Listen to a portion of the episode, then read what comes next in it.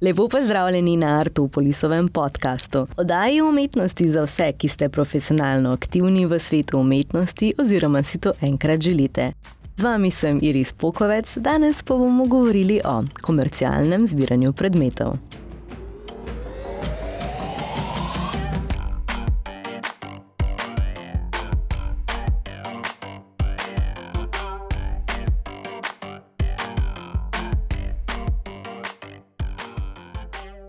Komercialno zbiranje predmetov. O zbiranju komercialnega in današnjih kabinetih kuriozitet. V nadaljevanju me zanima zbiranje predmetov na vsakodnevni ravni. Še vedno govorim o zbirkah, torej zbiranju in sopostavljanju predmetov na ogled. Ti predmeti v osnovi služijo kot orodja, vendar si jih kljub uporabni vrednosti ne kupi in ne zbira oziroma ne razstavlja zaradi njihove uporabnosti, temveč zaradi njihovega videza in indikacije okusa ali premožnostni lastnika, torej zbiralca. Če za primer uporabim mešalnik, v osnovi je namenjen lajšanju upravljanja vsakodnevnih opravil, vendar ima kot vsak predmet na trgu tudi mešalnik svojo hierarhijo.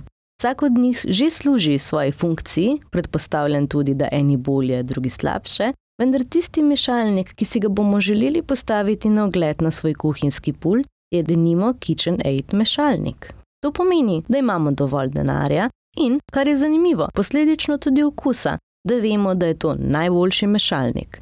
Razstavljen na takšni lokaciji služi ideji, da se ga zagotovo zelo pogosto uporablja, saj imamo kljub uspešni karieri tudi čas, da si vsakodnevno pripravimo zdrave in trendovske obroke. Ali pa naprimer kopičenje oblek. Oblačilo v svoji osnovni funkciji služi pokrivanju in gretju telesa in za to potrebo jih ne potrebujemo veliko, pa vendar že samo, če opredelitev potegnemo v najosnovnejšo izpeljavo družbenega koncepta, takoj vemo, da rabimo več kot to. Rabimo tudi obleke, primerne za posebne priložnosti. Že to nad se spremeni pogled na oblačilo kot na nekaj, kar zgolj prekriva telo in ga greje, a vendarle, če damo to v zgodovinski koncept, se lahko še upraviči. Denimo, svečeniki so imeli za obrede posebna oblačila, saj so bila del rituala. Tudi za današnje obrede, recimo poroke, pogrebe in krste, še vedno velja, da oblečemo posebna oblačila. Pa vendar v naših garderobnih omarah najdemo veliko več različnih oblačil, katerih del lahko upravičimo s tem, da jih na nekaj rabimo za delo, potem druge za prosti čas, različne letne čase, enako tudi obuvala in ostale dodatke, ki jih prištevamo k oblačilom. V garderobnih omarah hranimo tudi oblačila, ki so nam morda premajhna, pa vendarle upamo, da nam bodo še kdaj prav. Hranimo oblačila, ki imajo za nas sentimentalno vrednost, če tudi jih ne nosimo, naprimer babičin šal, ročno narejen plet prababice ali mamin hipijevski brezrokavnik. Poleg vsega še konstantno dopolnjujemo svojo zbirko oblačil s kosi, ki so trenutno v modi. Čeprav že imamo kratke hlače, jih je vendarle bolje imeti več, da jih lahko menjamo, Prav tako so letos v modi v malo drugačnem kroju in potisku kot lani in se želimo tudi novih, saj s tem pokažemo pripadnost današnjemu času. Vsa ta zbiranja predmetov bi se dalo razumeti kot zbirateljstvo. Na prvi in drugi pogled takšno zbiranje nima prav nič skupnega z zbiranjem umetnin, temveč gre le za brezglavo kopičenje, a vendar se ne sme zanemariti vzgiba zbiranja, ki pa je prisoten tudi v takšnem zbirateljstvu. To zbirateljstvo je vsakodnevno, svojo zbirko pa pokažeš z obiskom na domu, v zbirko se oblečeš, ko se odpraviš ven, prav tako pa svojo zbirko in s tem svoj zbirateljski okus pokažeš na socialnih omrežjih. Takšno zbirateljstvo me spomni na kabinete kuriozitet, o kateri sem govorila v prejšnjem podkastu. Ne morem si pomagati, da ne bi videla vsaj neke povezave med današnjimi garderobnimi umarami z zbirkami vintage oblačil in čevlji prestižnih blagovnih znamk s takratnimi kabineti kuriozitet. Ponovno se, enako kot pri semioforjih, zadeva morda niti ni bistveno spremenila, saj smo že ugotovili, da je zbiranje predmetov človeku naravno in smo ga poznali že v prazgodovini, prav tako pa se še vedno tudi na ta način zbirajo predmeti, ki so vredni zbiranja, kar pa je seveda pogojeno s tem, kaj predstavlja vrednost v današnji družbi. O dajanju vtisa. O maslovu, kamuflaži, poceni pohištvu, kapitalizmu in iPhonu. Ljudje bodo vedno skušali izboljšati sami sebe.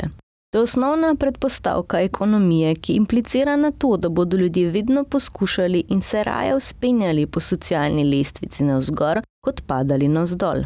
V pričujočem podpoglavju me zanima, kako je s tem povezana umetnost.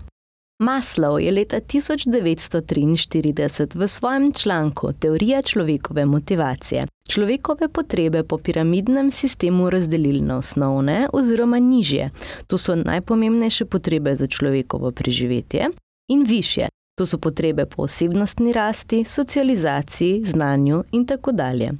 Šele ko so zadovoljene človekove fiziološke potrebe, človek začuti potrebo po resničevanju psiholoških potreb. Tako posameznik napreduje na vzgor po piramidi potreb, te pa si sledijo od najnižje do najvišje, prioritete pa se prilagajajo glede na nivo potreb. Kot zadnje in najviše potrebe človeka prikaže v točki, kjer se človek zave lastne potencialnosti in jo realizira, ter v končni točki celo preseže svoj ego in razmišlja o sebi kot integriranem delcu večje celote. Pri opazovanju maslove lestvice hierarhije človekovih potreb sem opazila, da je potreba po ugledu, torej biti spoštovan, pomemben in cenjen z vidika drugih, dve stopni pred potrebo po estetiki, torej potrebo po lepoti, simetriji, umetnosti in tako dalje. Iz danega lahko postavim trditev, da človeku umetnost ne pomeni toliko kot ugled, Ker pa je umetnost in možnost nakupa umetnosti indikator više stopnje na družbeni lestvici, zna torej z tega vidika postati simbolna dobrina, s katero lahko materialno doseže svoj status.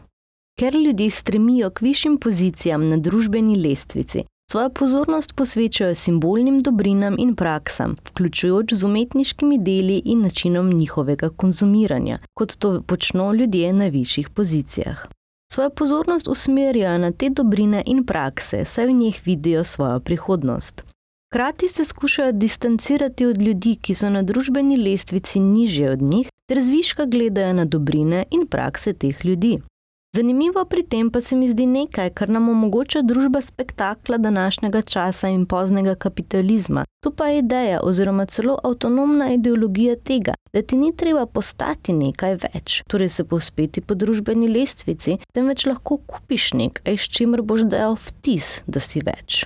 Ne gre več za biti, niti več za imeti, temveč za dajati vtis.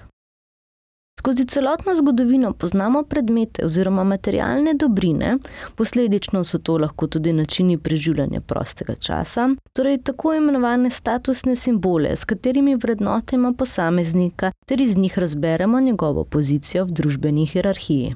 To, kar je v današnjem času drugače, pa je to, da smo v kamuflaži dajanja vtisa postali precej boljši.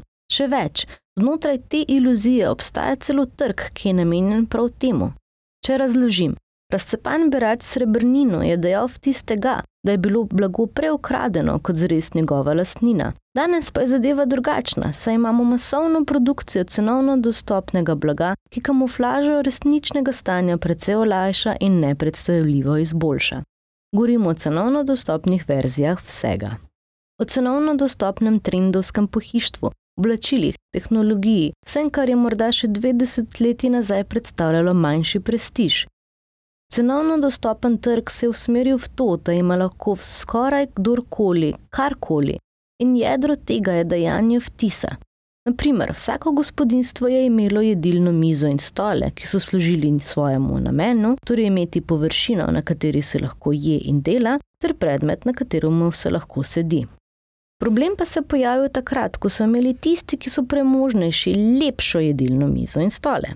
Ti so bili seveda redkejši in dražji, ampak ker trg obstaja zaradi povpraševanja in nam izpolni vsako željo, so se kmalo začeli pojavljati cenejši približki tega pohištva, katere si je lahko privoščila tudi družina z prve slike. In ker radi dajemo vtis, da smo boljši kot resnici smo, se je odprl trg, namenjen izključno dajanju vtisa. Ena za drugo so se začele odpirati trgovine s cenovno dostopnimi kopijami dragega pohištva. In enako je seveda za vsako drugo rečjo, ki jo človek lahko poseduje in kaže. Cenovno dostopne znamke oblačil in modnih dodatkov, ki temeljijo na hitro spreminjajoči sezonski modi in trendih, ker poskrbijo, da bo njihova poletna obleka s cvetličnim potiskom skoraj da enaka tisti, ki jo je bilo pred kratkim moč videti na modni pisti znanega modnega oblikovalca. Pogosto so sicer ti predmeti narejeni iz cenejših materijalov, kar povzroči, da se izdelek malo uniči, strga ali pokvari. Ampak to niti ni tako tragično, saj so vsi ti predmeti aktualni le kratek čas, ker pa so bili poceni, nam jih tudi ni težko vreči stran. Ta trg je tako fantastičen, da tudi ljudje, ki bi si drugače lahko privoščili boljšo ali dražjo verzijo predmeta, se navadno odločijo za cenejšo, saj lahko potem denar zapravijo za kaj drugega ali še bolje, kupijo več različnih predmetov. Problem se pojavi pri enem izmed najbolj prepoznavnih statusnih simbolov današnjega časa - iPhonu, telefonu blagovne znamke Apple. Na trgu tehnologije je sicer ogromno telefonov, ki so cenovno dostopnejši in posedujejo enake lastnosti kot omenjen telefon in se od njega razlikujejo le v enem vidiku, tem, da preprosto niso točno ta telefon. A brez skrbi, kapitalizem je poskrbel tudi za to željo. Čeprav iPhone ni vsakomur cenovno dostopen, ga vseeno lahko dobi, tako da za en obročno plačuje prek vezav in naročnin telefonskim operaterjem, tako pa iPhone postane dostopen širši množici. Hvala za poslušanje. Z vami sem bila Iris Pokovec. Besedilo je bilo povzeto po moji magistrski nalogi všečnost in kupljivost in se slišimo prihodnic.